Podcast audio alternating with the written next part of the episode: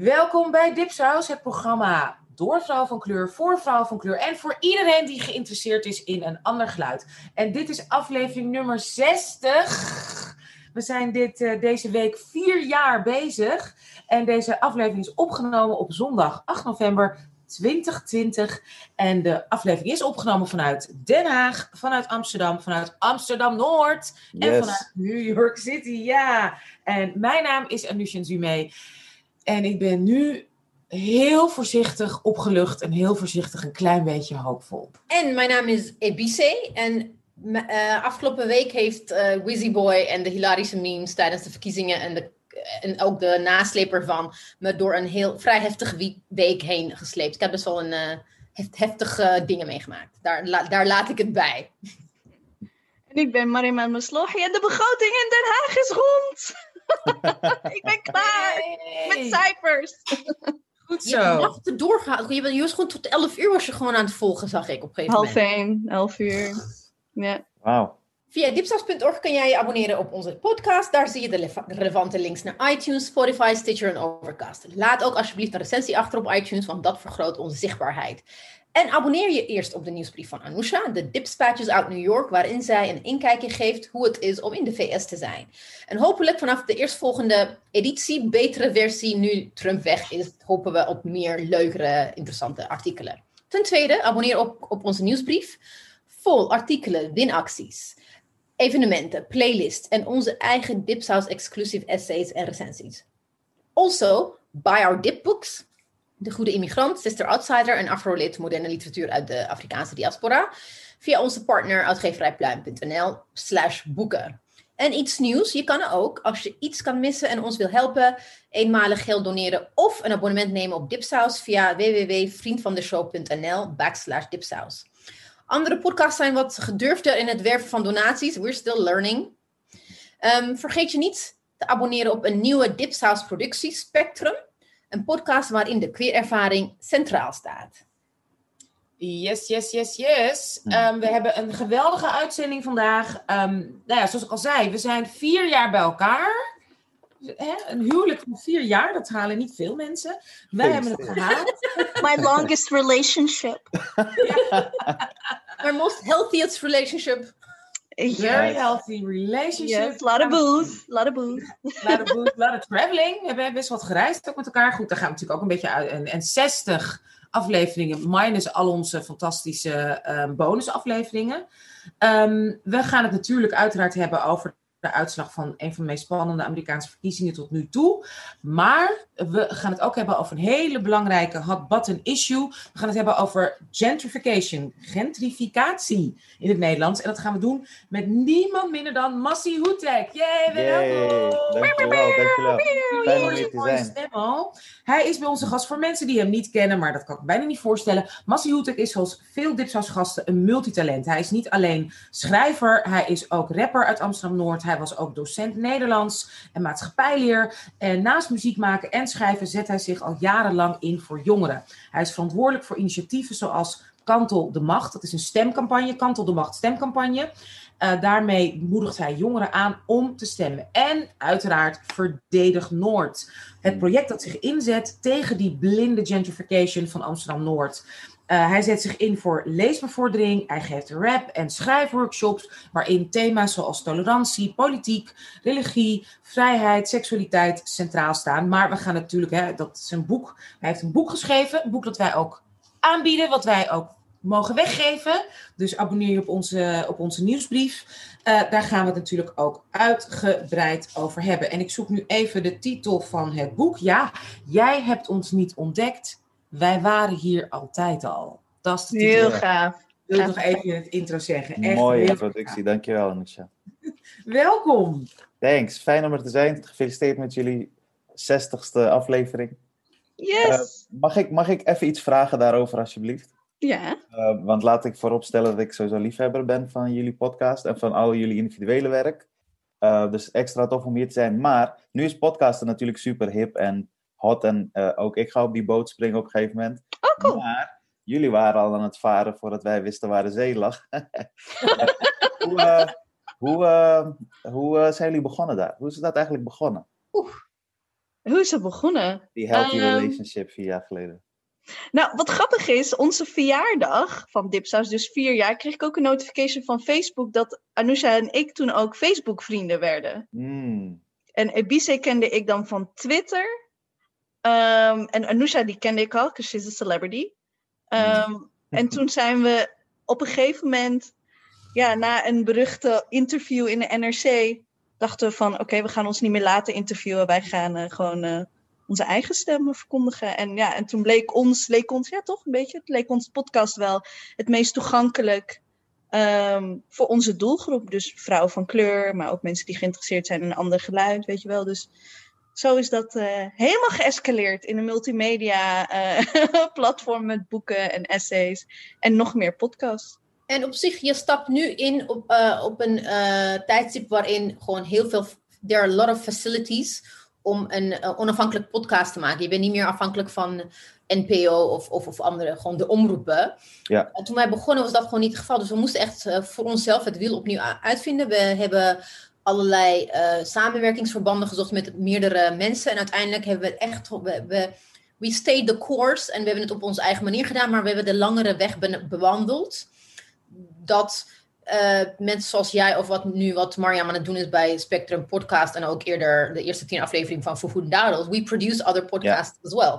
So if you want a producer, Eh, dat, is, dat, dat is precies wat ik aan het doen was, ABC. Heel goed. ja, Smooth. nice. Fijn. Het is, het is, het is ook zo'n fijn platform. Je kan inderdaad, het is dit. Het is een huiskamergesprek en je kan de diepte in. Je hebt alle tijd. Het is niet zoals bij reguliere radio. Oh, je hebt maar vier minuten, want er moet dat plaatje. Want ik moet zoveel. Hè, de plaatjes per uur zijn zelfs bij eh, zeg maar Radio 1 eh, belangrijker zo ongeveer dan het onderwerp. Zo. Je kan er weet je, diep op ingaan. Dat is ook zo fijn. En je kan het ook, je kan het ook natuurlijk monteren. Dus als er iemand iets zegt, want die voelt zich erg op zijn gemak. En een gast, weet je, klapt misschien uit de school. En heeft dan toch zoiets laten van, oh, weet je, ik wil Ja, dit eigenlijk helemaal niet zeggen. Hé, hey, geen probleem. Ja, Weet je, dan, dan, dan halen we het eruit. Je bent, weet je, we doen het met z'n allen. Dus het, dat is, het is zo'n ontzettend fijne, fijne manier van communiceren. En wat wij meteen al te gek vonden eraan, is dat je dit kan luisteren op je eigen moment. Lekker op de pont richting Noord. Of, eh, yes. Weet je wel, terwijl ik boodschap aan het doen ben, waar ik altijd een bloedhekel. Ik haat boodschappen. Ik hou echt niet van boodschappen. maar het is wel heel fijn dat ik weet van, oh, maar dan kan ik lekker een half uur een podcast luisteren. Ja. Dat, dat is er ook zo leuk. Ik moet ook een En, beetje eh, denken aan hoe we begonnen. Dat we nog dachten van, eh, nee, 40 tot 50 minuten. En dan Ah, eh, moeten we hè, lekker Ja. even moeten we door. En, op, na, na, wat zou het zijn, tien afleveringen dachten van... "Ah, da, da, da, da, da, da." En als men, we gaan gewoon een We eh, laten het los. Ja. anderhalf uur, twee. We hebben dat volledig losgelaten. Ja. En dat is fijn, want als mensen echt willen luisteren. Ik denk dat we allemaal gewoon hebben geaccepteerd. Mm, De regel van podcasting is. Mensen komen wel naar je toe als ze er echt geïnteresseerd in zijn. Weet je, radio is er en dan ga je ernaar luisteren. Ehm, en dan moet je maar consumeren wat je, wat je toegeschoteld krijgt. Heb ik net verzonnen, dat Nederlands. Maar met podcast, dan daar kies je voor. En als je ervoor kiest, dan maakt het eigenlijk niet of het nou 50 minuten is, anderhalf uur. Eh, dus Precies. ja, Precies. Ik vind het ook een hele toffe vorm hoor. is Thank you. Thank you. Nou, we gaan zeker met je verder praten over Ja, je podcastplannen. Want we zijn ontzettend wat je wilt doen. En vind Nice. het ook heel leuk om over, bij de over na te denken. En er zitten een paar eh, er, eh, kleine, kleine spoiler. Er komt meer. Er komt meer. Audio van Dipsaus. Er komt meer. Nice. Maar we gaan naar onze bulk of bees, Messi. Ja. En dat zijn onze binges, broadcasts, books en burns en big ups. En wat hadden we vorige? Oh, bi- birthday van Dipsaus. Daar wilde ik ook heel even bij stilstaan. Want ik vind het toch wel even heel speciaal te zeggen. Dat ik eh, al vier jaar lang met deze geweldige vrouwen mag samenwerken en appen. En soms volledig langs elkaar heen mag praten. Dat is heerlijk Soms gewoon helemaal langs elkaar heen. Ik bedoelde wat anders en iedereen bedoelde ook wat anders. En ik had het over die ene mail, maar ik had het over een ander appje. En dan, ah, waar bedoel je nou? Met heel veel, heel veel liefde en heel veel creativiteit en met heel veel steun en veiligheid. Dus dat wilde ik wel heel eventjes zeggen. En ik heb een B en dat is een boek. En ehm wist je nog, zei dat ik altijd tegen je zei dat ik moeite had met fantasybooks? I got one! En ik kan niet meer loslaten. Oh, het is van eh Sumaya Dawood. Zij is een ehm, Amerikaanse Marokkaanse. Eh, volgens mij ergens in Californië of zo. En zij heeft een Maghrebijnse fantasy boek geschreven. En dit heet Mirage. En dat gaat dan uh, om Amani. En dat gaat dan allemaal galactic werelden. En amazing. Maar ik bedenk me nu van. Um, volgens mij heb ik het eerder over dit boek gehad. Maar ik kwam er dus achter dat er een deel 2 is. The Court of Lions. En de lions zijn dan niet mannen, maar deze twee geweldige vrouwen die gewoon. Ik mag het niet spoilen, maar ik wil gewoon aan de mensen vertellen. die dus deze B hebben opgevolgd. Er is een deel 2 en die is pas echt een paar maanden geleden uitgekomen. Um, en die is. Het vervolg is nog beter. Is echt nog beter. Het is amazing. Dus um, big up voor mijn boek. En dat wilde ik. Uh, echt nog eventjes zeggen. Want verder heb ik niet zoveel tijd gehad om iets te doen. Dus het was dan heel veel lezen, begrotingen, debatten en dat soort dingen. En dan echt op het eind van de dag gewoon dit amazing, corny, cliché, Noord-Afrikaans wereld met henna en thee en brood. Het is gewoon such a cliché, but it's amazing. Je kan wel, je voelt wel een beetje dat een meisje dat, of een vrouw, sorry, dat een vrouw die niet vaak in Marokko is geweest, het boek heeft geschreven. Want ze, ze kiest wel een beetje de clichés af, af en toe uit. Maar dat mag toch in een young adult film. Dus, uh, een young adult boek. Dus um, echt, echt heel, heel leuk. Echt een aanrader. Echt een aanrader. Ook voor, voor bijvoorbeeld, ik weet niet of Lulu dat leuk vindt. Oh. Maar fantasy, ik denk dat het... Uh, ja, ik, wat ik, ik ben heel benieuwd hoe uh, Massie daarover denkt. Ik vind het heel lastig hoe moeilijk het is, hoe, hoe, hoeveel minder jongeren lezen. Dus ik heb drie kinderen van 17, bijna 15 en 13. En mijn jongste was nog echt een lezer tot zeg maar de dertiende. Mm. Ik, ik weet gewoon niet wat ik moet doen. Ja, ik, ik, ik, push en dwing en weet je. Ja.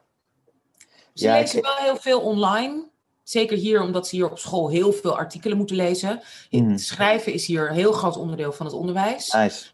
Maar een boek, ja, mijn zoon leest nu ehm, The Walking Dead. En dat is zo'n graphic novel. Wel van Ja. 6000 pagina's. Het is echt, Ebice, het is echt een bijbel. Ik, dat, ik wist niet dat het kan. Dat is echt gewoon een soort telefoonboek. En dat leest hij dan helemaal fanatiek. En dan wil hij D2. Maar die dingen zijn ook echt iets van 30 dollar of zo per stuk.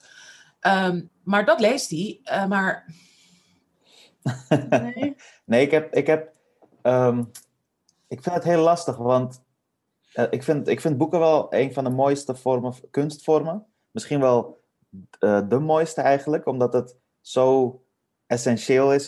Gewoon het, het verhaal staat op papier, de woorden staan op papier en daar moet je het mee doen. Ehm, maar ja, ik heb, ik heb ook in de tijd dat ik les gaf en ook nu als, ik, als het gaat over leesbevordering, eh, dat ik denk van ja, maar voordat we uitleggen dat ze moeten lezen, waarom zouden ze verhalen per se via een boek moeten consumeren? En als je ziet van, eh, dat moeten we kunnen uitleggen. En ik voel dat wel, maar ik kan het niet zo goed uitleggen. En eh, als je ziet hoeveel muziek ze streamen, jongeren tegenwoordig, series ze bingen, YouTube ze kijken, games ze spelen, teksten ze leren en reproduceren als je het hebt over de muziek waar ze naar luisteren. Ehm, en maar ook de dagverslagen die ze delen op social media en hoeveel ze eigenlijk ook schrijven. Ehm, volgens mij is dat, die ratio is volgens mij hoger dan ooit. Ehm, en en ik, ik eh, vind het voor mezelf interessant om te gaan kijken van oké, hoe kan je dat vanuit daar incorporeren? Dus hoe, hoe kunnen we eh, omdenken? Dus in plaats van boeken verfilmen, film, films verboeken, zeg maar. Of, of series, of, of, of hun games bijvoorbeeld. Want er zijn echt games, ehm, die zijn echt zo next level qua eh, verhalen, eh, qua eh, reizen en journeys en ontwikkelingen van personages. En dan heb ik het nog niet eens over de vormgeving. Ehm, en Anousha, dat ken jij volgens mij ook wel in de VS, toch? Is nu volgens mij de ehm, scripted podcasts zijn nu heel erg aan het opkomen, toch? Waar ook echt serieus in wordt geïnvesteerd. Ja, heel erg. ja, misschien. Dat, dat zijn hele interessante vormen die dat combineren op een manier waarvan ik denk, ja, dat is wel interessant. Hoe, wat, wat zouden wij hiermee kunnen doen? Maar hier kom je heel snel in een gesprek van wie gaat daarin investeren. En heel veel mensen maken meteen de link naar eh, ouderwetse hoorspellen. Die, die ook te gek kunnen zijn, maar dat is toch wel iets anders. Want eh, zoals Blackout bijvoorbeeld, dat is een filmproductie, maar dan eh, zonder beeld, zeg maar. En, en Rami Malek die de hoofdrol speelt en zich daaraan toewijdt en dat meteen op de kaart zet. Ehm, dat vind ik heel tof, maar ik vind het moeilijk. Hoe, kan hoe ga je uitleggen? Um, ik denk, ik heb net in, uh, vrijdag een uh, soort uh, hackathon, gewoon een brainstorm sessie gehad met Schwab van Letterfonds. En ik denk, een van de dingen, het is, ik denk voor ons ouders is het lastig. ook het feit dat het heel erg op ons schouders rust dat we het allemaal moeten doen. Tenminste, dat we op creatieve manieren ons kinderen aan het lezen moeten krijgen. Naast al het andere wat wij horen te doen. Maar wat ik ook denk, is bijvoorbeeld, kijk, at the end of the day, het gaat over storytelling. Of het nou een boek is, of een game, ja. of TikTok stories, of whatever. Het, is, het gaat om storytelling. En ik denk, als je op basisschool al, en niet alleen middelbare school, maar dat je kinderen leert uh, erkennen dat het, dat het om storytelling gaat. En dat je bijvoorbeeld aan de hand van een, een meme, wat nu heel groot is, voor example, op TikTok, of uh, een favoriete serie of whatever, dat je gewoon die klassieke elementen van een novel. Want het zijn gewoon standaard bepaalde klassieke elementen. De story mm. arc, uh, spanningsboog, dat soort dingen. Als je dat nou vergelijkt, dat, dat je ze dan leert vergelijken met een klassieke werk. Uh, een klassieke novel. En het liefst niet alleen maar witte oude mannen. Ook een novel waarin zij zich kunnen herkennen. Kan je ze denk ik die, die stap naar storytelling via beelden naar een boek lezen, kan je wel denk ik uh, zetten. Want Kijk naar Game of Thrones. People started reading the damn book because of the, the series, weet je wel. Ja. Dus het kan wel. Maar ik denk dat we niet op de klassieke manier moeten nadenken. Ook, dus het gaat, het gaat echt om omscholing van de leerkrachten en ook het hele onderwijssysteem. Ze moeten omgeschoold worden om anders uh, kinderen te, te to introduce them to reading. Want heel veel, mijn, mijn kinderen, mijn dochter, groep 8, ze leven met haar, al haar klasgenoten in allerlei groepjes. De Roblox groepjes, de gacha groepjes. En zijn daar verhalen aan het maken.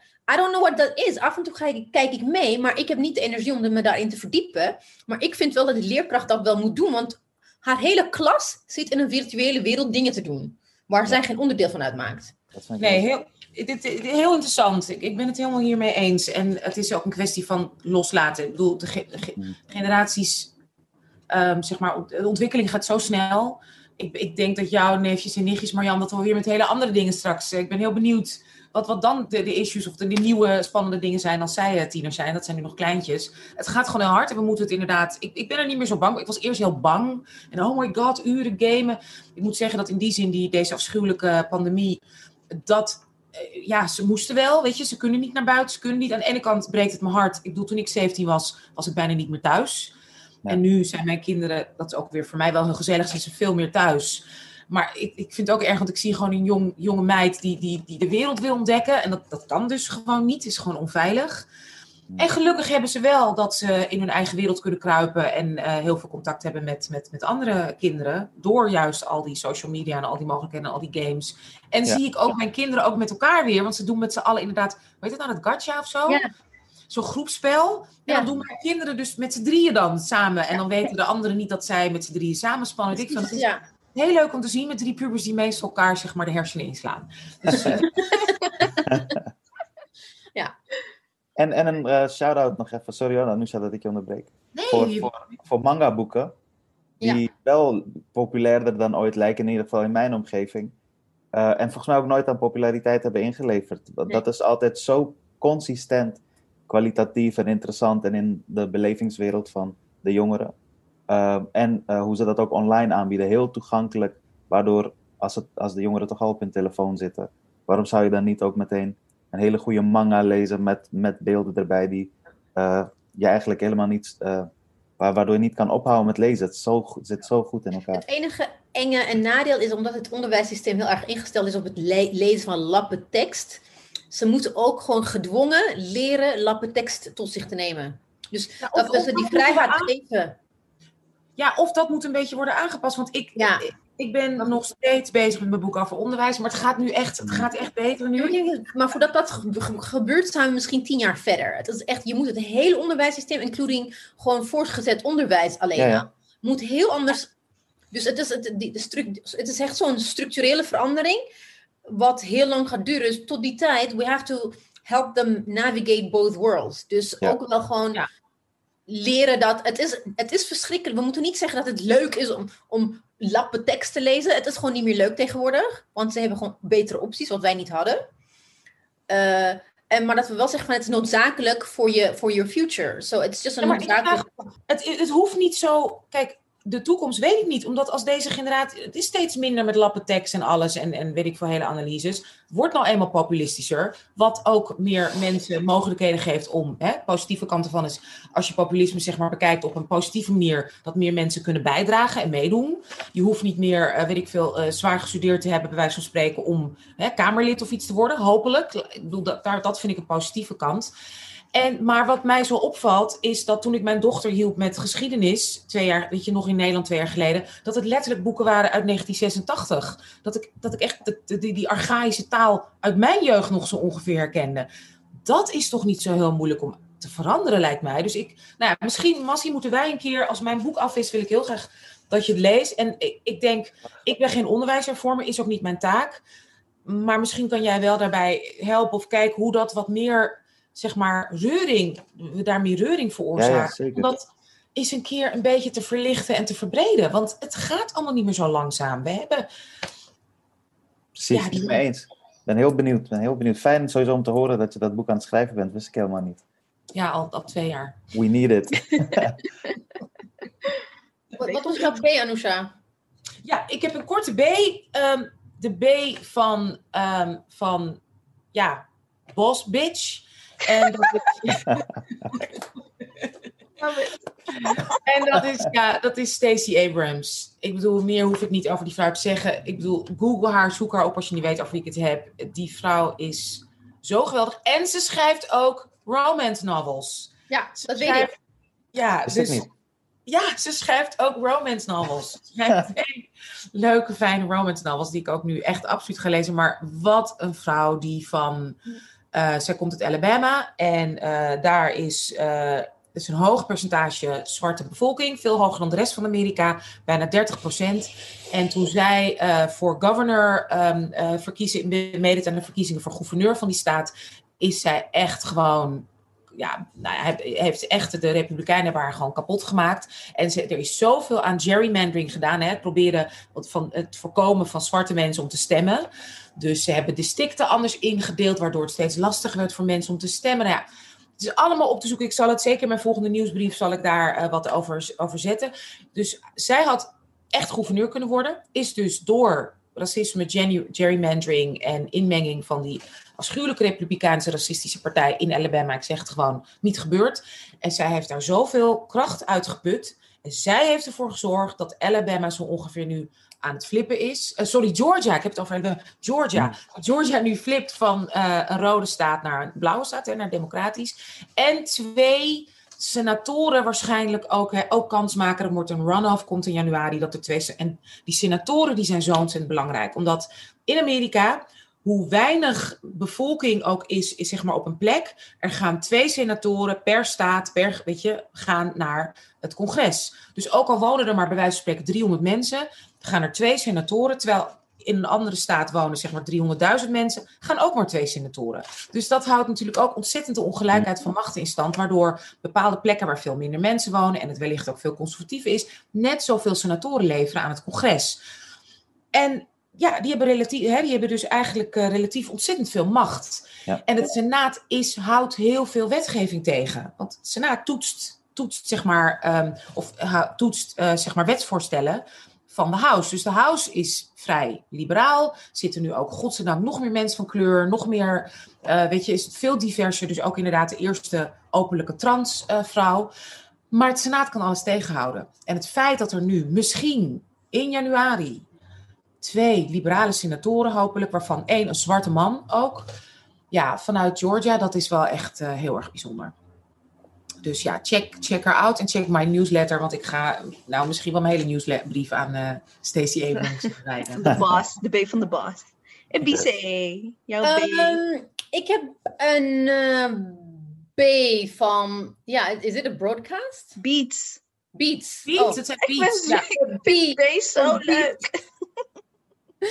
Mijn beats voor vandaag is, again, Wizzy Boy, Wizkid. Die me door een eh, moeilijke week heen heeft gesleept. Hij he dropped his fourth studio album, Made in Lagos. En he dropped it 30 oktober volgens mij. En het is eigenlijk een samenspel van dingen. Een, ja, een jaar geleden zaten uh, Mariam en ik in Lagos. In Nigeria, Lagos. We're having the best time of our lives. Maar onder Wizkid's liedje hoor je gewoon... Overal waar we gingen hoorde je gewoon Wizkid. Ja, was veel ook Burna Boy. Ook veel... I mean, 2019 was the year of Burna. Ja, precies. Absoluut. Maar Burna dropped een album ook deze zomer. Het heeft het niet zo heel erg goed uh, gedaan, hè? Ik weet niet waarom. Anyway, maar Made in, Made in Lagos, uh, he dropped echt de fourth uh, studioalbum. Ook tijdens de NSARS-protesten in uh, Nigeria tegen police brutality. Dus ik heb het echt sinds de day it dropped. People went completely berserk on my timeline. En ik, heb, ik begon. En vanaf het eerste liedje, which is Reckless. En daarna de tweede liedje, Ginger, featuring Burna Boy. Die twee heb ik het meest gewoon on repeat. Gewoon de hele dag als ik aan het editen ben. Heerlijk, gewoon, heerlijk. Ik, ik, ik, hoor het gewoon, het is zo. Het hele album is best wel goed. Ik luister nooit naar hele albums van ah, begin tot einde, maar this, this one is like. Yeah. En nice. ook No Stress. En ja, No Stress is leuk. Ja, en ze praten, hij praat pidgin, pidgin English en he mixes Yoruba with English. Ik versta heel vaak niet wat hij zegt, maar who cares, right? dus ik vind, ik vond echt, echt, echt Luister ernaar. Het is echt best wel beter dan zijn vorige albums. Gewoon, he's getting better and better and better. En ik ja, ook... het leek zo'n commerciële, weet je, het leek altijd zo'n kleine commerciële hotshot. Ja. Ik was heel gecharmeerd omdat die Pigeon in het gebied van waar mijn vader vandaan komt, ja. spreekt ze ook uh. Pigeon English, de voetbaltaal. Maar ik vond het altijd inderdaad een beetje zo, oké, okay, een beetje zeg maar de Britney Spears van de, van de Afrobeat. een beetje. goed, grappig, toch? Ja, en, ja. En wel zo. he looks like a kid, hè? He looks 16, gewoon. Mm. Ja. He, he named himself Wizkid. Ja. ja. En hij is 1,65 meter. Ja. En heb jij nog base, Massie? Base? Wow. Uh, of niet, het kan ook. Anything, uh, and we'll turn it into a B. Maakt eigenlijk okay. niet heel veel uit. Maak er een B van. Uh, Wauw. Um, wat? Oké, okay, on the spot. Um, nee, nee, nee, B van... Uh, je van nerveus. nee, nee, nee. Ik heb... Uh, oh, mijn baby. Mijn zoontje. Oh, nee, ja, dat is, us. Bijna, bijna twee. Uh, ik kijk nu naar een oude foto van hem. Daarom moest ik eraan denken. Nou ja, uh, dat, is, dat, is, dat is mijn boy, toch?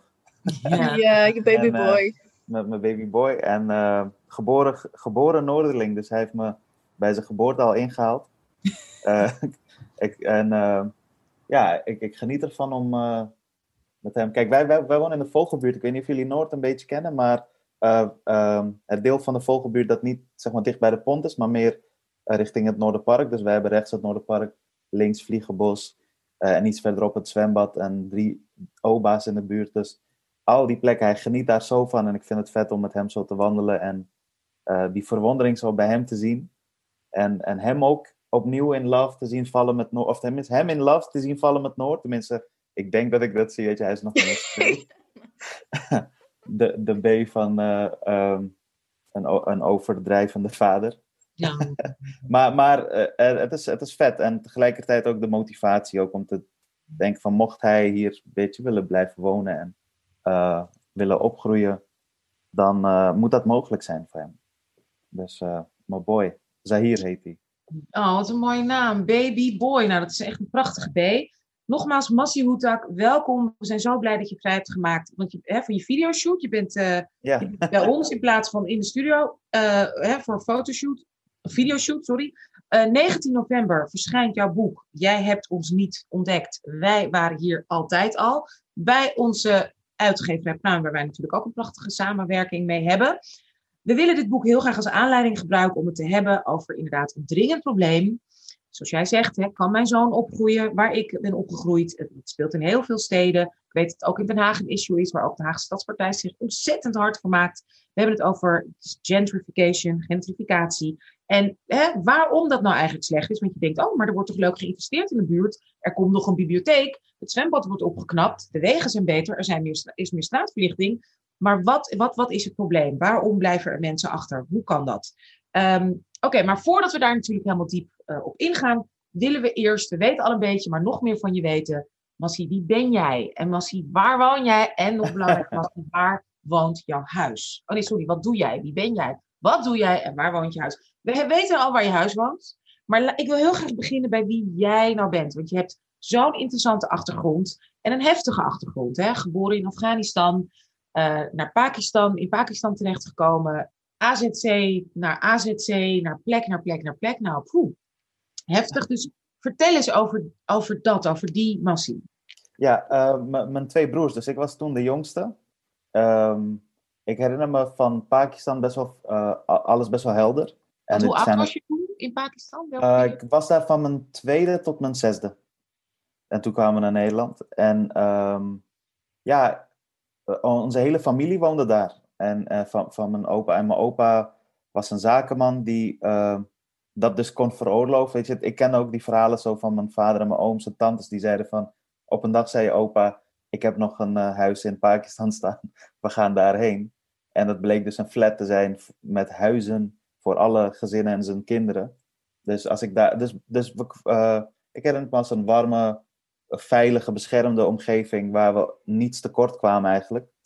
Um, en en uh, toen we naar Nederland kwamen, uh, dat herinner ik me eigenlijk ook als, en dat is echt met dank aan mijn vader en mijn broers die me heel erg hebben beschermd. Ik herinner het me als een fijne tijd waar ik ja, wel de hele tijd wist van we gaan van AZC naar AZC en het is niet zeker of we hier mochten blijven, maar ik vergat het best wel veel. En, en omdat ik met allemaal kinderen van over de hele wereld uh, in die AZC's was en niemand sprak echt Nederlands, dus we leerden elkaars woordjes van elkaars taal en natuurlijk, je weet welke woordjes je als eerst aan elkaar leert, de vieze woordjes. en en uh, mijn zwemdiploma gehaald in AZC Krailo in het hart van het gooi. Ehm, wat best wel grappig was, omdat ze dus echt ons op het hart drukte van je moet leren zwemmen in Nederland, want we leven onder zeeniveau en geen idee, wat is, wat is dat, weet je wel, van wat is dat, maar goed zwemmen, leuk. Dus we gingen Zeker als je uit Afghanistan komt, is het gewoon hier de hel dat je onder zeeniveau woont. Ja, wat, weet je, waar zijn de bergen? Waar, waar is het de mooie natuur? En, uh, maar maar um, ja, wij, wij mochten dus eigenlijk niet verder zwemmen na ons A-diploma, omdat dan weer een andere groep moest gaan. Dus ik heb ook alleen maar mijn A-diploma. Uh, ik, ik ging ineens tafeltennissen in AZC Helmond. Uh, en omdat mijn broers dat deden en we, gingen, we mochten op een vereniging. En uh, daar heb, hebben we best wel veel, dat hebben we best wel lang gedaan. En ook wel op hoog niveau. Is best wel grappig dat we ineens daarin waren beland. Maar um, later ben ik pas gaan beseffen, en ook nu, nu ik vader ben, wat, wat het eigenlijk was. Maar hoe, nogmaals, met dank aan mijn vader en mijn broers, hoe zij me hebben beschermd dat ik die periode niet heel bewust heb meegemaakt als een hele heftige periode. Kijk, er waren wel momenten als, als je in de klas zat dat ineens één klasgenootje niet meer kwam van de ene op de andere dag. En dan vroeg je aan de juf, waar is Kevin? Ja, die is terug. Uh, en, en dan denk je, oh ja, shit. Dus het, het lijkt op een sprookje allemaal de hele tijd en leuk, maar dit is eigenlijk wat er aan de hand is. Uh, dat heeft zo'n anderhalf jaar geduurd. AZC Helmond was de laatste en toen uh, kreeg mijn vader de optie om. We hoorden dat we mochten blijven, dus dat was fijn. En toen werkte je met verschillende status. Je had A-status. En dat betekende dat je onmiddellijk verblijfsvergunning, paspoort, huis kreeg. En wij kregen wat heette F3. Um, ehm, heel technisch verhaal dit, maar dan moest je nog drie jaar wachten totdat je je paspoort kreeg. En in de tussentijd werd wel gewerkt aan je dossier en aan een huisvesting. Um, en mijn vader kreeg twee opties: een boerderij in Helmond of een huis in Amsterdam-Osdorp. een huis dat uh, volgens mij binnen een jaar alweer gesloopt zou gaan worden. En ik ben hem echt op mijn blote knieën dankbaar dat hij niet voor de boerderij in Helmond heeft gekozen.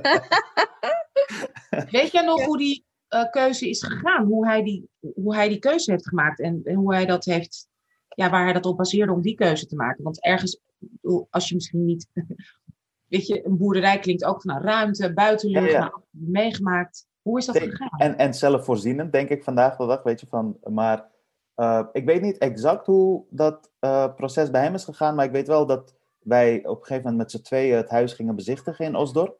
En dat hij met mij in de trein naar Amsterdam Centraal ging en daar in tram 1 uh, naar Osdorp. En dat hij gaandeweg in die tramreis aan mij uitlegde. En, en ik weet nog dat ik toen, dus toen moest ik acht zijn geweest. En ik herinner me hoe heftig ik dat contrast vond van smalle straten, druk verkeer. En Helmond, weet je, voor zover we al uit het kamp mochten, dan, het was best wel breed en je kon gewoon met z'n drie, drie broers naast elkaar fietsen. En ja, mensen keken raar, maar niet omdat we naast elkaar fietsten, maar om hoe we eruit zagen.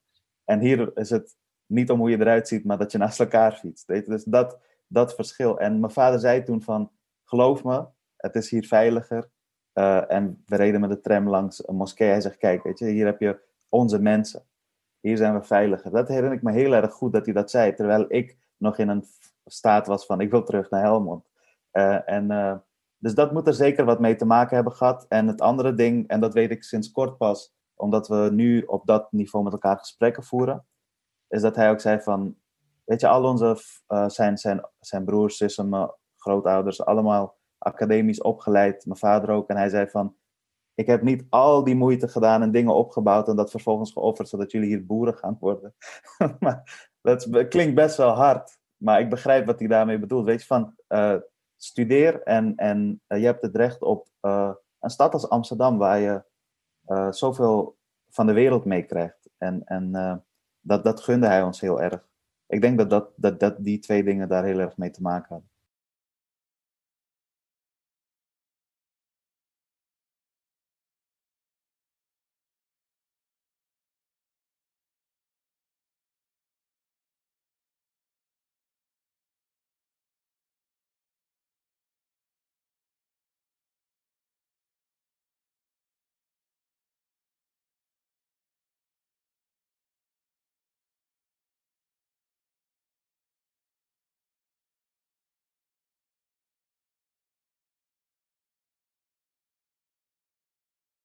Jij maakt natuurlijk ook deel uit, net zoals Mariam, deel uit van de, eh, de generatie die in Nederland, who came of age post 9-11. Uh, je hebt uh, de, de, de, de retoriek van post 9-11 in Nederland, niet alleen in Nederland, maar ook in Europa en in Amerika en de rest van de wereld.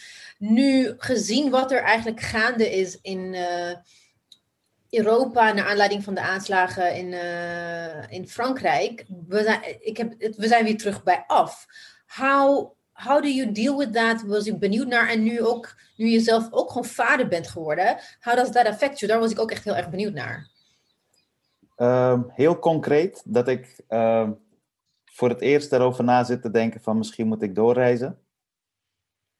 Dat, dat, is, dat is zeg maar uh, de, het kortste antwoord. En, dat is uh, heftig. Om aan te geven hoe groot het, de impact is. Um, en, en je zegt we zijn terug bij af. Ik denk we zijn nog verder van huis dan ja. wij waren na 9-11. Um, ja. Ja, en, en, en dat is eigenlijk wel echt heel triest. En, en, wat, wat maakt het? Wat maakt het ook voor, voor luisteraars die, um, niet, uh, hè, die, die niet uit jullie generatie komen, die niet dit, dit specifiek dit mechanisme gevoel herkennen? Wat maakt het dat het nu inderdaad bijna nog verder gaat dan terug bij af? Um, Mirjam, kan jij me even bijstaan? Hoe leg je... Ik, ik, ja. ik weet wel het gevoel, maar niet exact hoe ik het moet formuleren. Kijk, ik denk, en daarom vind ik het ook een belangrijk um, onderwerp, want het herhaalt zichzelf, hè, een beetje de geschiedenis en de, de reflexen daarin. Het enige verschil waarin ik, wat ik eigenlijk zie, is dat er meer jongeren zijn of meer generatiegenoten van mij die in ieder geval hun eigen platform hebben of hè, hun eigen boek gaan schrijven of, of het delen op social media over de hypocrisie, de islamofobie. Nou, ik denk, ik denk wat een goed, misschien we hebben nu wel een woord voor. Bijvoorbeeld toen post 9-11 en dan tiener zijn, had, gebruikte ik het woord islamofobie bijvoorbeeld niet. Um, ik wist niet dat het bestond. Um, het enige wat ik wist is, zij zijn tegen ons. En ik merk nu wel, omdat je het misschien dat de jongere generatie het meer het vocabulaire heeft, um, de, toch wel social media, dus ook toegang tot andere soorten media die wel um, um, toch zogenaamde ander verhaal of de nuance um, opzoeken tot zover dat kan.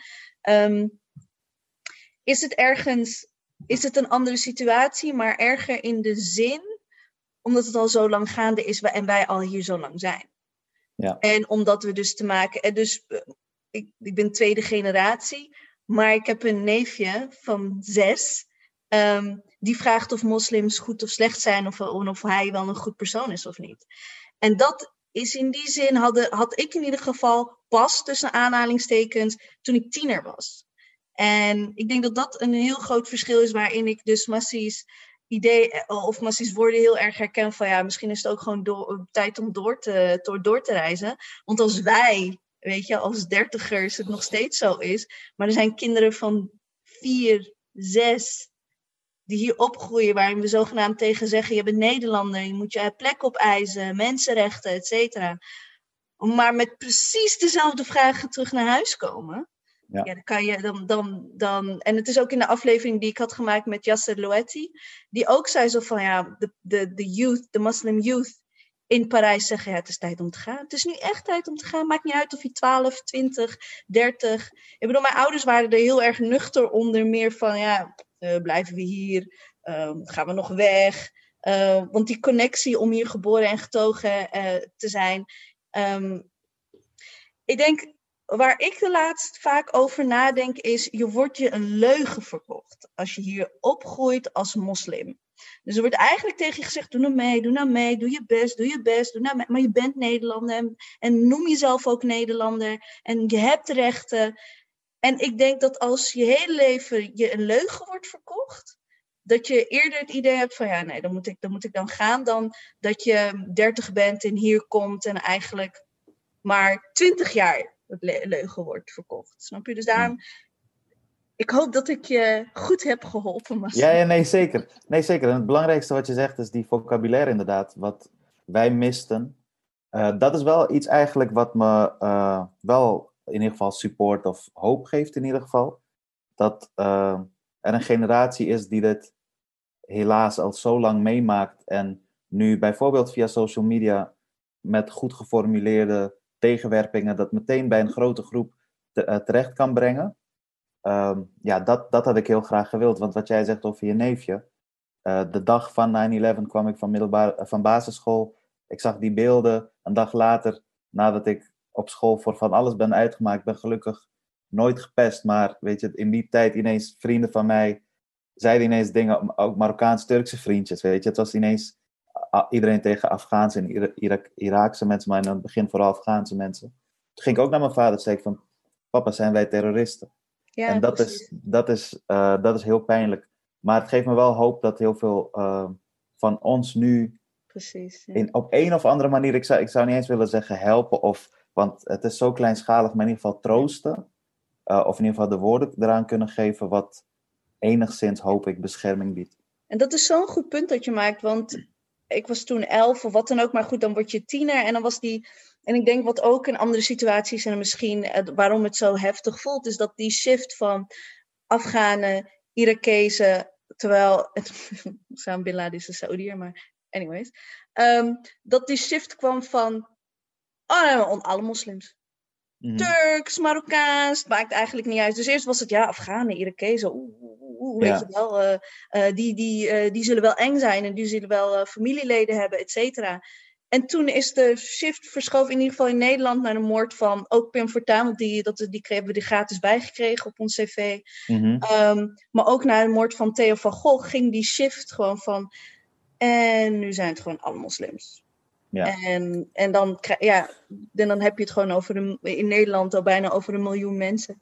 Ja, en het ding is, wat, ik, wat je zei over fight or flight, dus je eerste instinct flight, dat had ik eigenlijk in 2017 toen AFD, alternatief uh, voor Duitsland, uh, bijna 13% van de stemmen kreeg en they came into the government uh, met 94 zetels. Toen dacht ik, als dat ook, als daar misgaat, de machtigste land van Europa, then we're all done for. Op een gegeven moment, if that becomes the norm, ze maken geen onderscheid tussen moslim of christen. If you're not white, you're fucked, basically. Ja. Dus dat, dat sense of flight en like the walls are closing in on me, had ik in 2017, waar ik, ik heb echt over nagedacht van, wat kan ik doen? Ja. Kinderen moeten, nee, eh, van, what else is there? Ja, dan gaan we maar terug naar Ethiopië. Ik heb echt Ja. even tegen mensen gezegd, I would rather die there than here. Gewoon, Hmm. dat je dat soms En ik denk dat dat, ik denk dat dat vergeten. En ik ga weer citeren van Jesse Loetti, want dat was zo een. eye-opener waarin hij zegt zo van Muslims are the barometer of democracy and authoritarian states in the Western world. En dat niet-moslims heel goed moeten gaan kijken naar de rechten die moslims nu verliezen, dan weten ze wat hen te wachten staat tomorrow. En, en ook slachtoffers van islamofobie zijn niet per se altijd moslims. Het zijn ook zwarte mensen, het zijn ook um, uh, bruine mensen, het zijn Shiichs, het zijn Hindustanen, het zijn. En ja, er, er is iets heel gevaarlijks gaande in de Western world. En ja, en dat maakt het eng en dat maakt de flight in mijn geval, terwijl ik juist nu het langst, ik ben nu voor het eerst zo lang in Nederland, dat heeft te maken met dipsaus, voor het langst in Nederland kun, um, aaneenlopend. Ik had altijd, ik doe, ik ga heel hard werken, heel veel geld sparen en dan ga ik weg. En dat is nu eigenlijk voor het langste periode ever dat ik gewoon hier uh, als volwassen persoon, als volwassen Marokkaanse moslima in Nederland, ben ik nog nooit zo lang uh, in Nederland geweest, maar ik wilde gewoon weg.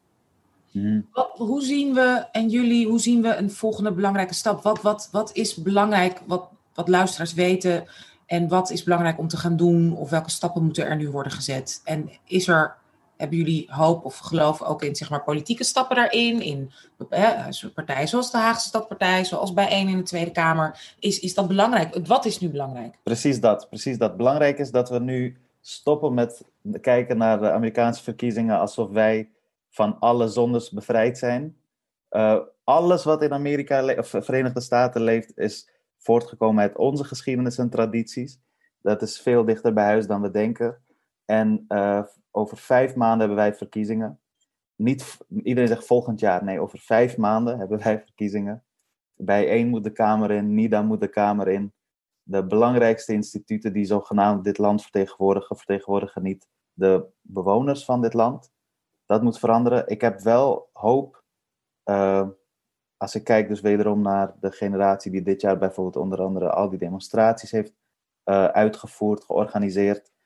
Um, en ook de afgelopen jaren allerlei belangrijke, bepalende, emanciperende demonstraties heeft gedaan. Daar heb ik wel heel veel hoop in. Omdat het is voor ons niet eens meer een keuze. Het is nooit een keuze geweest voor uh, zwarte mensen, personen van kleur. Het, uh, het is nooit een keuze geweest. Je moet je leven strategisch indelen. Dus een apolitieke houding is een privilege. Dat is voor ons nooit weggelegd. En nu, bij deze dertigers, eindtwintigers van nu, zie je daar de vruchten van, van concrete doelen, concrete organisaties, informatiepunten die veilig en betrouwbaar zijn. Um, ik denk dat wij nu massaal met z'n allen dat moeten gaan organiseren richting die verkiezingen. En daar een heel duidelijk signaal moeten afgeven. Vier jaar geleden was het signaal in die zin gelukt dat er heel veel jongeren hebben gestemd. Maar ik weet nog dat wij toen met de groep, omdat er zoveel partners waren in die campagne, dat we zeiden van, uh, het was niet mijn keuze, maar we zeiden van, we geven geen stemadvies. Uh, uh, maar goed, als, als je mij zag en ik zei ga stemmen, en ik vertelde in subtekst in ieder geval wat je vooral niet moest stemmen. de, de subtekst van mijn verschijning, zeg maar. Maar um, ik hoop dat wij dus in ieder geval met die organisaties nu um, iets explicieter durven te zijn. Want het is, uh, de, de, de praktijk is, is, is niet genuanceerd voor, voor ons.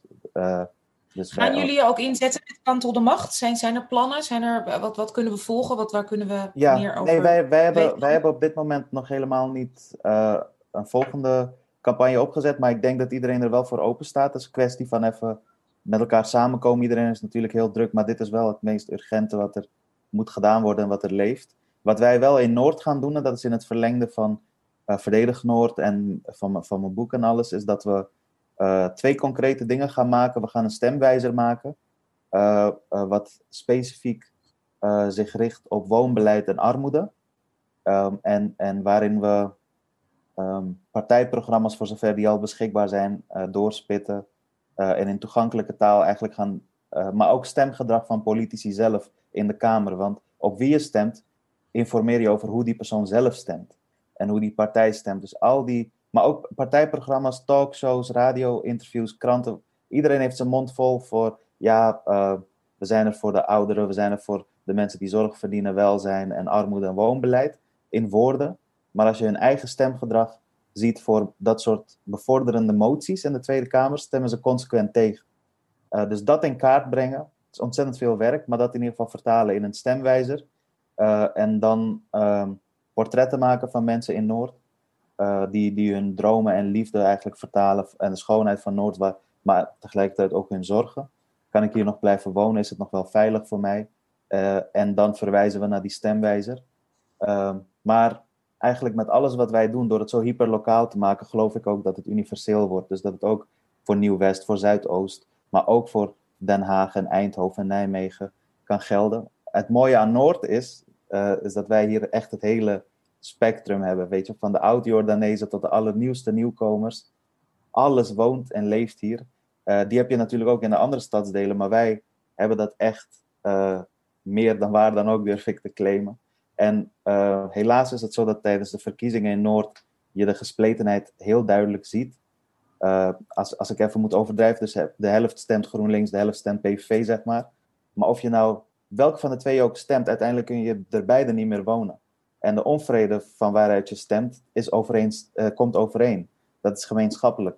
Ik kan hier niet meer wonen, mijn huren, we verliezen banen vooral nu tijdens de pandemie. Dus wij proberen dat, proberen dat verhaal te vertellen van in plaats van dat wij tegen elkaar gaan vechten, wij zijn de dupe van hetzelfde systeem, laten we dat systeem uitdagen. En uh, dat proberen we dan in die stemwijzer en in die portretten vorm te geven. Ja, het is ook, sinds ik Mariam ken, is het ook voor mij duidelijk geworden hoe belangrijk wat je zei, dat hyperlokaal, like lokale verkiezingen, hoe belangrijk ze zijn vergeleken met uh, de landelijke, dus gemeenteraadsverkiezingen. Want uh, wat ik nu weet is dat bijvoorbeeld GroenLinks in Den Haag you don't want you don't want, stem niet GroenLinks in Den Haag, want de GroenLinks in Den Haag is een andere samenstelling dan GroenLinks in Amsterdam. Dus GroenLinks, en, en worse. En worse. I mean, they, they, they, collude with the far right. Dus, dus dat je gewoon de, het belang van lokaal mengen in politiek is mij veel, veel duidelijker geworden dan alleen maar één keer in het vier jaar uh, stemmen. Dat wilde ik yes. even zeggen. Nee, nee, helemaal mee eens. Dat is een hele belangrijke toevoeging over, dus dit komt eigenlijk allemaal een beetje ook samen, volgens mij, in, jou, in jouw boek. Of in ieder geval de reden waarom je dit boek hebt geschreven. En ook heb je heel specifiek gekozen voor gentrification, gentrificatie. Eh, gaat het natuurlijk inderdaad over waar kan ik wonen, waarom kan ik hier niet meer blijven wonen. Dus nogmaals, eh, de titel en wij mogen een exemplaar weggeven. Alleen aan natuurlijk mensen die geabonneerd zijn op onze, wat, hoeveel? Zes? Nee, drie we mogen drie exemplaren weggeven aan uh, mensen die geabonneerd zijn op onze nieuwsbrief. Uh, de titel van het boek Massi Hutek, en het, uh, nou, dat is zijn naam. En de titel van het boek is Jij hebt ons niet ontdekt, wij waren hier altijd al.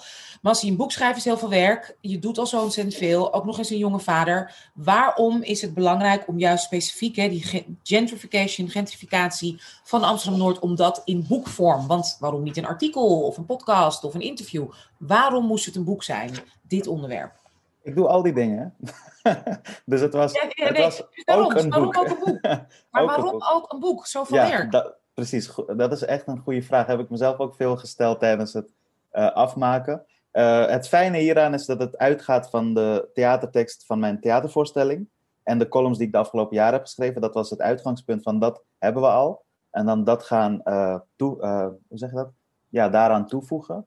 Um, ik, zou heel, ik wilde ik ben gesprekken zat met mensen erover die in 2021 Amsterdam, gemeenteraadsleden, buren, uh, wethouders nog steeds zeggen: uh, gentrifie wat? Hè? Uh, dus ik denk, ik, ik heb nu eindelijk dat ik denk: hier, bespaar mezelf en jou de tijd en energie hier, lees dit. En, en in, in, ik hoop dat het is gelukt om het in toegankelijke taal te doen, om het politieke een persoonlijk karakter te geven, um, maar, en, en van binnenuit. Want voor mijn onderzoek heb ik zelf ontzettend veel boeken gelezen, maar, en die waren heel goed, maar heel um, koud analytisch, zeg maar. Dus, dus niet, niet menselijk analytisch. En, uh, en ik miste dat. Uh, omdat ze vaak niet van binnenuit zijn gedaan. Stadsgeografen, wetenschappers, academici van buitenaf die hele goede, slimme dingen zeggen, maar vanuit een, uh, ja, zonder consequenties voor hen zelf. Waardoor de, ja, het blijft dan koude literatuur en niet echt een urgent verhaal in die zin. Maar bijvoorbeeld films zoals Boys in the Hood uh, wel, weer wel. En, en um, ik, de, van alle uitingen, dus in de muziek geef ik het een plek. in, eh, in mijn theatervoorstelling. Van al die dingen is het boek eigenlijk eh, het meest verdiepend. En dat had ik wel echt even nodig, waar iemand ook echt even de tijd kan nemen. Dus als je bijvoorbeeld die muziek volgt of de voorstelling hebt gezien en denkt: oké, interessant, ik, ik, ik wil hierop doorkouwen, dan dient het boek in die zin, dan is de functie daarvoor. Daar gaan we nog dieper in de materie. Ja, en het is ook even- super... Oh, sorry. Nee, sorry, ik dacht even voor, ook voor de luisteraars even kort, want jij hebt het heel mooi omschreven in, in jouw boek, wat gentrificatie nou precies is en waarom het eigenlijk, terwijl je denkt, oh nou leuk, hè, er wordt geïnvesteerd in de wijk, wat daar dus niet aan klopt, aan Ja. die PR en aan die marketing eh, slogan. Ja, ja dus eh, het is ehm, het sociaal, cultureel en economisch opwaarderen van een wijk, in theorie. In de praktijk is het het sociaal, economisch en cultureel opwaarderen van een structureel verwaarloosde wijk. Eh, waar voorheen niemand doodgevonden wilde worden, de zogeheten no-go areas, waar nu een grote toestroom van eh, academisch opgeleide, eh, best wel goed verdienende bewoners naartoe komt, vaak wit. En met als automatisch gevolg het verdrijven van de mensen die daar al hun hele leven wonen. En het wordt altijd geframed als een soort natuurlijk proces. Van dat is nou eenmaal hoe de dingen gaan. Dat is nou eenmaal de markt. Verandering hoort bij. Ja, dat is waar. Maar het is niet een natuurlijk proces. Omdat het is beleid. En dat is het kwalijke. Het is doelbewust beleid in het nadeel van een bepaalde groep. En in het voordeel van een andere bepaalde groep. Je zou het eh, rijk en arm kunnen noemen. Je kan het ook zwart en wit noemen. Dus bijvoorbeeld in de VS heb ik dat heel duidelijk gezien. Hoe letterlijk zwart-wit dat was. Uh, maar bijvoorbeeld op een plek als Noord is het, wat, uh, is het meer fluïde. Omdat de oude witte arbeiders hier uit de Jordaan bijvoorbeeld, die hier in de jaren 70, 80 naartoe zijn gekomen, en wij, personen van kleur, uh, zitten eigenlijk in dezelfde shit. wij kunnen allemaal straks niet meer onze huren betalen. Het is een klassenstrijd, maar klasse loopt wel langs de lijnen van kleur. Dus als uiteindelijk mensen moeten kiezen van oké, welke van die twee mensen moet ik wel een woning toekennen, is de kans wel groot dat het naar het witte arbeidersgezin gaat. Dat is wel zo. Uh, zij worden niet strenger gecontroleerd door de Belastingdienst, worden er niet uitgepikt door de politie en noem maar op, dus dat institutionele. Uh, dus het kwalijke daaraan is, is dat je bij gebrek aan een beter woord, zeg maar, um, kwetsbare bewoners bij elkaar hebt gezet. Die wijk had vanaf het begin moeten mengen. Nu hoor je iedereen, ja, maar het is hartstikke goed dat we gaan mengen. Dat er uh, ook uh, middenklasse en andere sociale klassen in de wijk komen, waar voorheen vooral armere gezinnen woonden. Uh, daar heb ik twee bezwaren op. Eén, denk ik dat dat altijd al moet gebeuren. en ten tweede hoor je dat nooit omgekeerd. Je hoort nooit als mengen zo belangrijk was, dat armere gezinnen ook in rijkere buurten moeten gaan wonen. Dat hoor je nooit. En, en er worden niet in rijke buurten koopwoningen omgetoverd naar sociale huurwoningen, terwijl het omgekeerd in rap tempo gebeurt. Dus nu die voorzieningen er eindelijk zijn waarvan we denken, yes, we vragen hier al 20, 30 jaar om, eindelijk gebeurt het, uh, is het bijna altijd, gaat het praktisch altijd gepaard met het feit dat het dan weer te duur wordt voor de mensen die hier echt geworteld zijn en die daar dan weg moeten. En, dat is en hoe wordt dat even gewoon, want kijk, hè, ik, ik ken, we kennen allemaal dat soort gezinnen die dan, oh, maar ik ga leuk in die wijk wonen, hartstikke leuk. En ik wil, ik ga juist op een school, zo gaan mijn witte kinderen ook leuk. Hè, die gaan ook daar in die buurt naar school, vind ik heel erg belangrijk. Wat is nou even gewoon heel 1, 2, 3 uitgelegd het mechanisme waardoor mensen dan niet meer in hun wijk... Is het gewoon echt ordinair van we gaan uw huis verbouwen, en je kan, maar de huur gaat omhoog. En, en anders ga je maar ergens anders... Is, gaat het zo keihard? Want ik denk gaat, dat mensen zich dat niet eens voor kunnen voorstellen. Dat het, hoe, wat wordt er gezegd tegen dat gezin dat woont in een zeg maar, flat die nu wordt opgeknapt? Hoe, krijgen ja. ze hoe vertellen ze ze dit? Het is zo veelzijdig. Ik zal één van de voorbeelden geven. Dus één van de verhalen is dat uh, gezinnen wonen in uh, eigenlijk verwaarloosde wijken, verwaarloosde huizen. Ze hebben daar decennia huren betaald en daar tegenover staat dat je mag rekenen op onderhoud van bijvoorbeeld je woningcorporatie. Uh, maar dat onderhoud is achterwege gebleven. De servicekosten percentage uit jouw huur is eigenlijk nooit naar servicekosten gegaan. Dus onze vraag is, waar is ons geld heen? Waar, waarom is dat onderhoud achterwege gebleven? En concreet met onderhoud bedoel ik dan dat er lode leidingen niet zijn vervangen. Dat we in 2021 in Amsterdam uh, giftig drinkwater door onze kranen uh, stroomt, dat bijna ook niemand weet. Waardoor we, en dan heb je slechte isolatie, slechte ventilatie, waardoor we uh, fysiek ook zieker worden. het recht op huisvesting is een universeel mensenrecht. Onze overheid moet daarin voorzien. dat maakt niet uit hoe groot of hoe klein jouw portemonnee is. Of jij het wel waard bent, dat als jij je huur betaalt, dat we je huis onderhouden of in ieder geval veilig en ehm, gezond houden. Uh, die huizen worden nu massaal of gesloopt of gerenoveerd. En dan krijgt zo'n gezin bijvoorbeeld ineens een brief door de brievenbus. Uh, we hebben geconstateerd dat er bijvoorbeeld uh, beschadigd asbest is in uw huis. Of de staat van de woning is heel slecht. Grootschalige renovatie noemen ze dat. Wat eigenlijk is achterstallig onderhoud. Maar niemand noemt dat zo. Grootschalige renovatie. En dan uh, denken mensen: oké, okay, ja, sure, fijn, eindelijk. Maar natuurlijk wel met als gevolg dat als ze terugkomen, als ze al terugkeergaranties krijgen, want dat is niet een vanzelfsprekendheid in die deals. Helaas zijn het deals. Um, als ze al terugkeergarantie krijgen, dan gaat de huur zodanig omhoog dat ze dat niet meer kunnen uh, ja, betalen. Of de woningen veranderen in koopwoningen, of de woningen worden gesloopt. En een aantal terugkerende patronen die je ziet, is dat bepaalde woningcorporaties ook wat heet een vertragingsstrategie. Dus dat ze dan, uh, wat er in de buurt ontstaat, is een bewonerscommissie van hé, hey, maar mensen, uh, jullie hebben zelf die woningen zo lang verwaarloosd. Als we straks terugkomen en het wordt duurder, dat klopt niet. En dan gaan ze heel traag met die bewonerscommissies om, zodat de tijd verstrijkt. Uh, en dat ze op een gegeven moment zeggen, ja, maar hier komen we niet meer uit. Nu is die buurt echt heel oud en nu moeten we gaan slopen. En, en dan gaan ze dure huur- of koopwoningen daar neerzetten. En dan kom je op het punt dat mensen dan uh, de op optie krijgen, de bewoners. Oh, maar wacht even. Uh, als u de huur hier niet kan betalen straks. Wij hebben nog een huis met een voor- en achtertuin nieuwbouw in Zaandam. En we geven u ook nog eens 10 tot 20.000 euro mee. de, de oprotpremie, zeg maar. Um, en ja, zeg daar maar nee tegen met, als groot gezin. Ineens krijg je een grotere woning aangeboden. Um, en, en veel mensen, dus ook dat wordt geframed als een soort cadeau. Hè? Van je krijgt een cadeau van de woningcorporatie, je krijgt een mooi aanbod. Wat is er mis met wonen in een huis met voor- en achtertuin in Zaandam? Daar is natuurlijk niks mis mee als de mensen daarvoor kiezen. Uh, wat er mis mee is, is dat mensen zelf uit eigen beweging nooit zouden verhuizen. Uh, als je hen vraagt wat is thuis, uh, wat is de plek waar ze eigenlijk structureel gemarginaliseerd zijn, systemisch gesegregeerd zijn, gemeenschappen hebben ontwikkeld, en een gevoel van thuis, van er, horen, uh, wat heel dynamisch is, wat heel intelligent en complex is en wat voor ze veilig voelt. Dat zij, zij zouden daar nooit uit eigen beweging weggaan. Uh, want dan kom je ergens terecht en moet je opnieuw beginnen. En weet je wel, eh, we weten allemaal hoe moeilijk dat, dat kan zijn.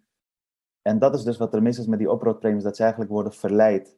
En, en ik vraag me af van laten we helemaal terug naar de essentie. Uh, waar zijn die huren heen gegaan? Weet je, waarom, waarom zijn we nu op een punt dat jullie met dat soort deals komen en het framen alsof je een ontzettend grote gunst doet aan die bewoners, terwijl je structureel hun mensenrechten hebt geschonden? En het klinkt ook als een soort ontzettend bewust systematisch plan, dat dus kennelijk al jarenlang gaande is. Want ja. inderdaad, je besluit dus op een bepaald moment om niet die leidingen aan te pakken, om niet inderdaad, ik zeg maar, wat dubbel glas in te zetten, om niet, dus dat is niet, dat komt, dat is niet opeens.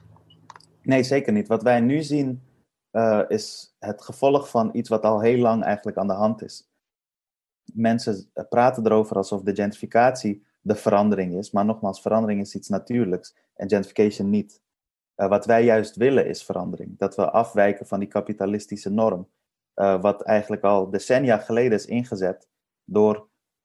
Kijk, Amsterdam Noord was eigenlijk altijd al een soort stiefkind van Amsterdam. Het hoorde er niet helemaal bij je ging er met de boot naartoe, noemden mensen de, de pont noemden ze de boot. En, uh, en, en, en Noord werd Noord gestoord genoemd, je wilt er niet doodgevonden worden. En, en um, daardoor kreeg je ook dat mensen die hier zijn ASO, geplaatst. Sorry, er waren ook letterlijk ASO-woningen en ASO-wijken. Ja, ja, dus de zogenaamde uh, oh. mensen die heropvoeding moesten krijgen. Hoe bedoel je? ja, je had, je had Asterdorp, heette dat. Er is een heel mooi boek over geschreven, heet Pauperparadijs. Uh, daar werden mensen die in het centrum uh, heropgevoed moesten worden. Dus dan hebben we het, laten we zeggen, over uh, eerste helft 20e eeuw. Um, die bijvoorbeeld de oude arbeiders van de Jordaan, die de gemeente vonden die heropgevoed moesten worden, zodat ze op een gegeven moment aanspraak konden gaan maken op een gemeentelijke woning. toen, toen de woningbouw nog van de gemeente was, toen het nog publiek was. Uh, maar daarvoor moesten ze eerst een traject doorlopen van heropgevoed worden. Dus eigenlijk uh, weer uh, waardige burgers worden. Het is heel, het is heel gek. Maar... En dan. Oh, die kregen ja. eigen wijk. Ja, die kregen een eigen wijk ja, in het Asterdorp. En dan werd het, het heropvoedingscentrum. En vanuit daar konden ze wow. doorstromen dan naar. Oké, nu kun je ook meedoen met de andere mensen van de gemeenschap en een gemeentelijke woning krijgen. Uh, dat, is, dat is één voorbeeld. Maar ook, maar ook de arbeidsmigranten die later kwamen en uh, besloten om te blijven. Uh, die zijn ook massaal geplaatst in Noord. En in de jaren 90 en begin 2000 dus bijvoorbeeld Afghaanse mensen die hierheen zijn gekomen mm. als asielzoekers. Zijn ook heel veel hier geplaatst. Um, en, maar ook voorzieningen zoals bijvoorbeeld groenvoorzieningen waar het centrum geen zin in had, maar wel jaarlijks aan moest voldoen. Je moest zoveel groenstructuren jaarlijks bijbouwen. En maar ze dachten, ja, maar als wij groen gaan bouwen in het centrum, dan uh, zijn er niet genoeg uh, trambanen en voetpaden voor ter- toeristen. Ook, ook dat is allemaal naar Noord gegaan. Daarom zijn wij nu zo gezegend met zoveel parken en bossen. En ik ben daar hartstikke blij mee. Maar de geschiedenis... Zuidoost. En Zuidoost. En Zuidoost, precies. En, en, en de geschiedenis daarvan is dus dat alles waar je geen zin in had in het centrum, werd geplaatst in Noord. Dit zijn mensen die dus niet de middelen hadden of de plek in de samenleving om te kiezen waar zij gingen wonen. Dus we werden geplaatst. En, um, en daar, we zijn dus systematisch bij elkaar gezet uh, terwijl, en, en niet gemengd. Dus nogmaals, bij gebrek aan een beter woord, dus kwetsbare bewoners bij elkaar. Ja. En dat is inderdaad wat Anusha zegt, van dat is, een, dat is beleid geweest altijd. En, en daardoor is die grond in Noord ook structureel uh, laag gewaardeerd en goedkoop gemaakt, waardoor je nu in grote happen dat kan verkopen aan investeerders voor best wel goedkoop ja. en die dat voor maximale winst doorverkopen. Ja. En dat is allemaal het gevolg van beleid. En dat is niks natuurlijks aan. Ja. Nou, ik ga even mijn licht aan. Ja, ja, is goed. Ja. Het is langzaam donkerder eh, geworden. Hoe zullen we het nu verder doen met het uh, draaiboek? Ik heb nog een vraag. Um, want we zitten nu, want Messi moet ook zo weg. Nog jouw vraag en dan naar, gewoon naar afronding, de DDD's. Oké, okay, is goed. Ja, want uh, ik, ik, was je boek aan het lezen en ik, ik kon er heel gemakkelijk een beetje doorheen bladeren. En dan moest ik toch wel. Het is ook wel een boek waar, waar ik me ook heel erg aangesproken voelde, omdat ik dacht ik van misschien ben ik dan de gentrifier. He, want ik kom uit Maarsen um, en toen ben ik nou, als student naar Leiden en dan ga ik op en dan heb ik heel, heel snel heb ik een heb ik een, um, een studiootje gevonden in Den Haag, in een totaal verkamerd huis, in een leuke wijk waar vroeger best wel veel mensen van kleur woonden en nu niet. En nu ben ik dus terechtgekomen in best wel een, een super hippe, hippe wijk met allemaal starters, voornamelijk witte mensen. En toen dacht ik, ja, ik mag dan wel van kleur zijn, maar economisch gezien heb ik mensen ook verdrongen. En nu wil ik kijken om een huis te kopen. En dan eindig ik eigenlijk in een wijk als Laak of um, Transvaal. Dus, en dat zijn wijken in Den Haag die um, voornamelijk, uh, mensen, waar voornamelijk mensen van kleur wonen, maar waarin steeds meer mensen zoals ik um, daar naartoe gaan wonen. En ik had op een gegeven moment zo'n discussie met mezelf van hoe erg ben ik de gentrifier? Hè, want uiteindelijk verander ik, verander ik ook iets echt aan het DNA als ik naar Transvaal ga, waar ik met heel veel andere Nederlandse Marokkanen, Nederlandse Turken, ga ik, de, ga ik daar opeens een, een hippe soja-koffietent beginnen? I don't think so. Maar ik ga wel economisch gezien en kapitalistisch gezien, doe ik wel mee in van een huis kopen van, ik weet, x aantal getallen, wat misschien tien jaar geleden veel goedkoper was. En wat de mensen daar nu niet meer kunnen betalen qua huur. Dus die gaan allemaal buiten Den Haag wonen. Uh, goedkoper. En ik woon nu, want ik wil 15 minuten van mijn werk in het stadhuis. En ik wil binnen 10 minuten bij Centraal Station zijn. Ja, in die ja. zin, um, dus ook voor luisteraars is het ook een confronterend boek. Hè? Dus ja, what makes us so different? En ik was wel benieuwd naar, toen je dat aan het schrijven was, um, en je ziet jezelf niet echt weggaan uit Noord, want elke keer als je alleen maar Noord zegt, komt er een gigantisch glimlach op je gezicht. Um, ja, ik vind dat wel, ik vind dat wel knap, maar wat zou je daar, wat zou je tegen dat, ja, toch wel tegen mij of meerdere ja, daar toch over ja. zeggen? Ik vind het heel mooi. Ik, dus deze zelfreflectie van jou, uh, en hoe je daarmee omgaat, dat is denk ik de eerste stap bij het degentrifyen van je positie. Ehm, dus erkennen van inderdaad, ik ben onderdeel van het probleem, maar dat heb je nooit bewust voor gekozen. Je bent daarin beland omdat je bent meegegaan in een systeem dat heel scheef is ingericht. Maar je kunt ook heel makkelijk onderdeel worden van de oplossing. En dat begint met die zelfreflectie. Dus inderdaad, Ja. van wat is mijn positie?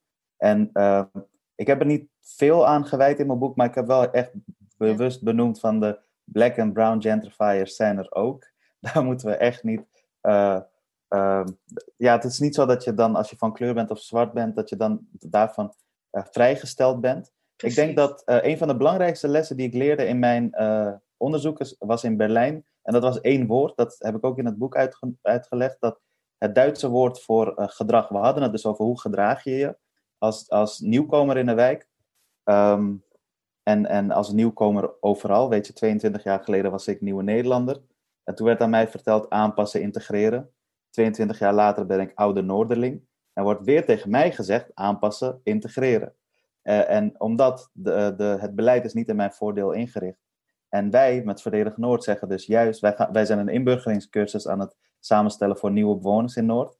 En, en we zeggen van, hey, welkom. Eh, fijn dat je hier bent. Iedereen heeft het recht om hier te zijn. Wij hebben ook het recht om hier te blijven. Maar eh, ga mee in het ritme van die wijken. En verhoud je tot ons. Dus het Duitse woord voor gedragen, verhalten, eh, heeft mijn ogen best wel geopend. Omdat gedrag het Ne- in Nederlandse taal is altijd heel iets individueels, iets van mij. Dus als, als onze ouders zeiden gedraag je, ging je heel erg kijken naar shit, wat doe ik verkeerd? Ik doe iets fout. Maar als, iemand, Ja. als we zouden, dat zouden veranderen naar verhoud je, zou je om je heen kijken van, oh, waar heb ik geen rekening mee gehouden?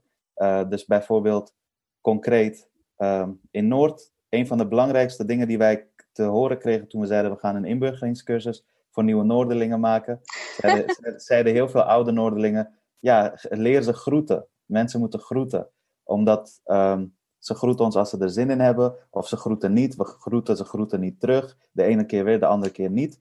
En alleen al het erkennen van elkaars bestaan daarin, het groeten, maar ook het, luister, ehm, ga niet alleen maar je boodschappen online doen, weet je, dat soort dingen. We hebben Ja. buurtsupers, we hebben markten. De Van der Pekbuurt hier in, in Noord is best wel illustratief voor heel veel van dit soort volkswijken, eh, die, die heel hard transformeren, waar de sociale huurwoningen worden verkocht. Waar dus er komen rijkere mensen dan ooit, wonen er nu, maar de markt heeft het zwaarder dan ooit. Hoe, Ja. hoe kan dat? En, en je kan dat natuurlijk theoretisch uitleggen dat mensen eh, online shoppen of, of bijvoorbeeld eh, naar Albert Heijn gaan. Die heeft echt niet onze euro nodig, maar de markt. En, en daar heb je ook nog eens een persoonlijkere interactie. En zo, zo word je, de vader van mijn beste vriend zegt, zo word je een buurtbewoner en niet een buurtgebruiker. Dus ik zou Ja, willen mooi. zeggen van, word een buurtbewoner. En Ah, dat word je door je verantwoordelijk te voelen, denk ik, voor je wijk. En, Maar eh, wat, laatste vraag toch nog even, ik vind het Ja. wel belangrijk. Wat, wat kunnen we doen? Is dat iets politieks om dat, dat mensen die willen blijven wonen in Noord, kunnen blijven wonen in Noord? Want dat is ook natuurlijk fijn, oké, wordt een bewoner. Maar hoe kun je ook solidair zijn met de bewoners, zodat die bewoners ook kunnen blijven? Want er is genoeg ruimte en Ja. dat en en is. Ja, ja. ja ehm, informeren, organiseren, mobiliseren, verdedig je wijk, verdedig je buurt. Eh, wat, ik, wat mij heel veel hoop geeft, is dat dus twee jaar geleden had ik de- die gesprekken, wat ik net zei, met, dat mensen zeiden, eh, gentrifi wat? En op mijn kritische column zeiden, je ziet spoken. Twee jaar later zeggen diezelfde mensen, shit, wat kunnen we doen? Dat is de belangrijkste vraag.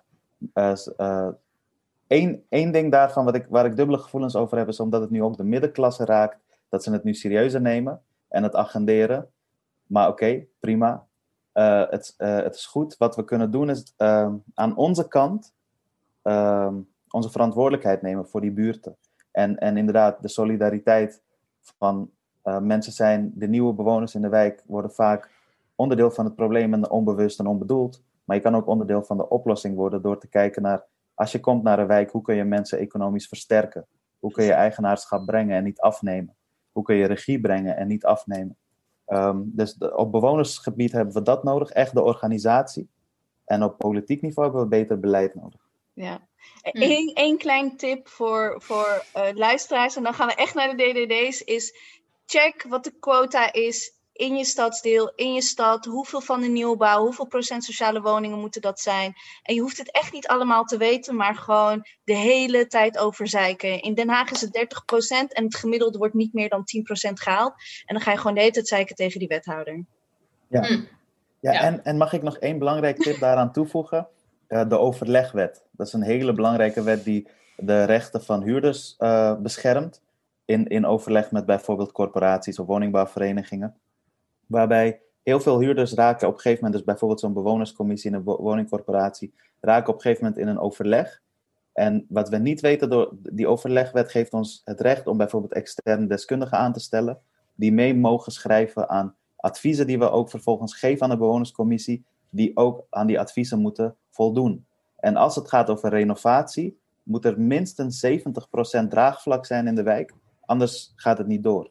En dat draagvlak moet je creëren. Dus je moet wel actiever worden in je wijk, maar dat is, dat is goed. Ja. Dat is juist onderdeel van. Nee, nee, maar eigenlijk is het gewoon wat, wat, wat ik denk wat de, de wijkbewoners moeten doen, is wat Stacey Abrams heeft ook gedaan in Amerika, gewoon dat uh, community organizing getting out the vote. Dus men, dat mensen weten dat ze rechten hebben. Ja. Uh, en dat, dat je aanwezig bent. Dat, dan heel, heel veel van ons, especially the first generation immigrants, die van een la lage sociale klasse wonen, weten zien niet dat ze heel veel rechten hebben. Mm -hmm. Dat is ook gewoon een van de dingen die, die ik heb uh, geleerd. Maar ook iets anders wat ik uh, heel interessant vond. Ik heb het met geel gemarkeerd in jouw in de proefdruk.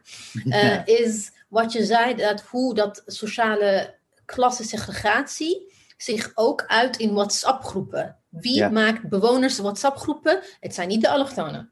Mhm.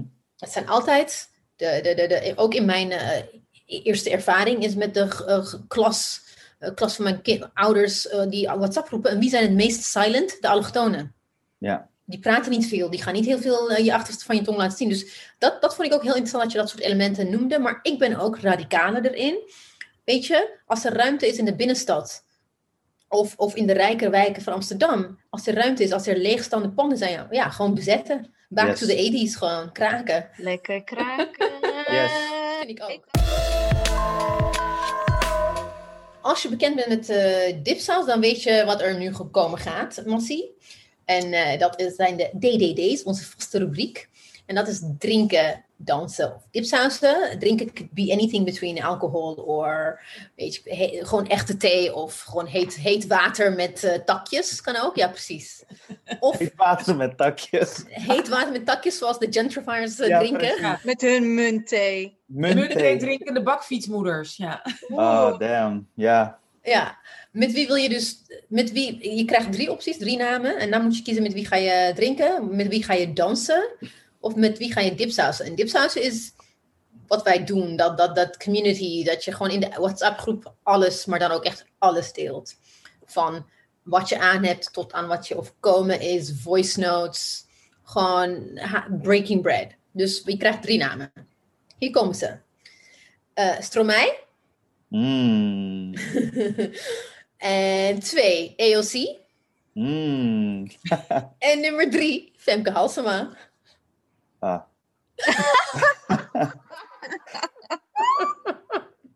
Je had een andere volgorde moeten doen, dan had het opgebouwd. Nee, nee, nee, nee, nee, nee, nee, dat is juist leuk.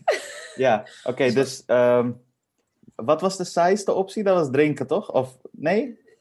Dansen, Dansen, drinken wat je wil, wat, je- wat je saaier vindt. Nee, dansen. Dansen met Femke Halsema. Waarom? Dan, dan, dan hoef je niet te praten. En, dan, eh, en dan kan ik gewoon lol hebben, dat is de B, de burn, de B van burn. Ehm, en en ehm, eh, dan, eh, drinken Drinken? met Stromae. Oké. Ja. En, En wat ga je drinken? Wordt dat thee? Afghaanse thee. Ik ga Afghaanse thee maken voor ons. Afghaanse groene thee met cardamom en saffraan. Oh, lekker. Oh. Ja. lekker. Ik- het, Nice. eh, cardamom en saffraan. Dus als mijn vader dit zou horen, zou hij zeggen: nee, het is cardamom of saffraan. Oef. Maar ik heb hem naar beide gebracht, zeg maar. En, en, en, eh, en eh, dipsausen met AOC. Ah, ja, ze is leuk hè. Ze is Ja. zo goed met social media ook. Zij is echt een inspiratie. Ja. En de hele ze squad. gamet.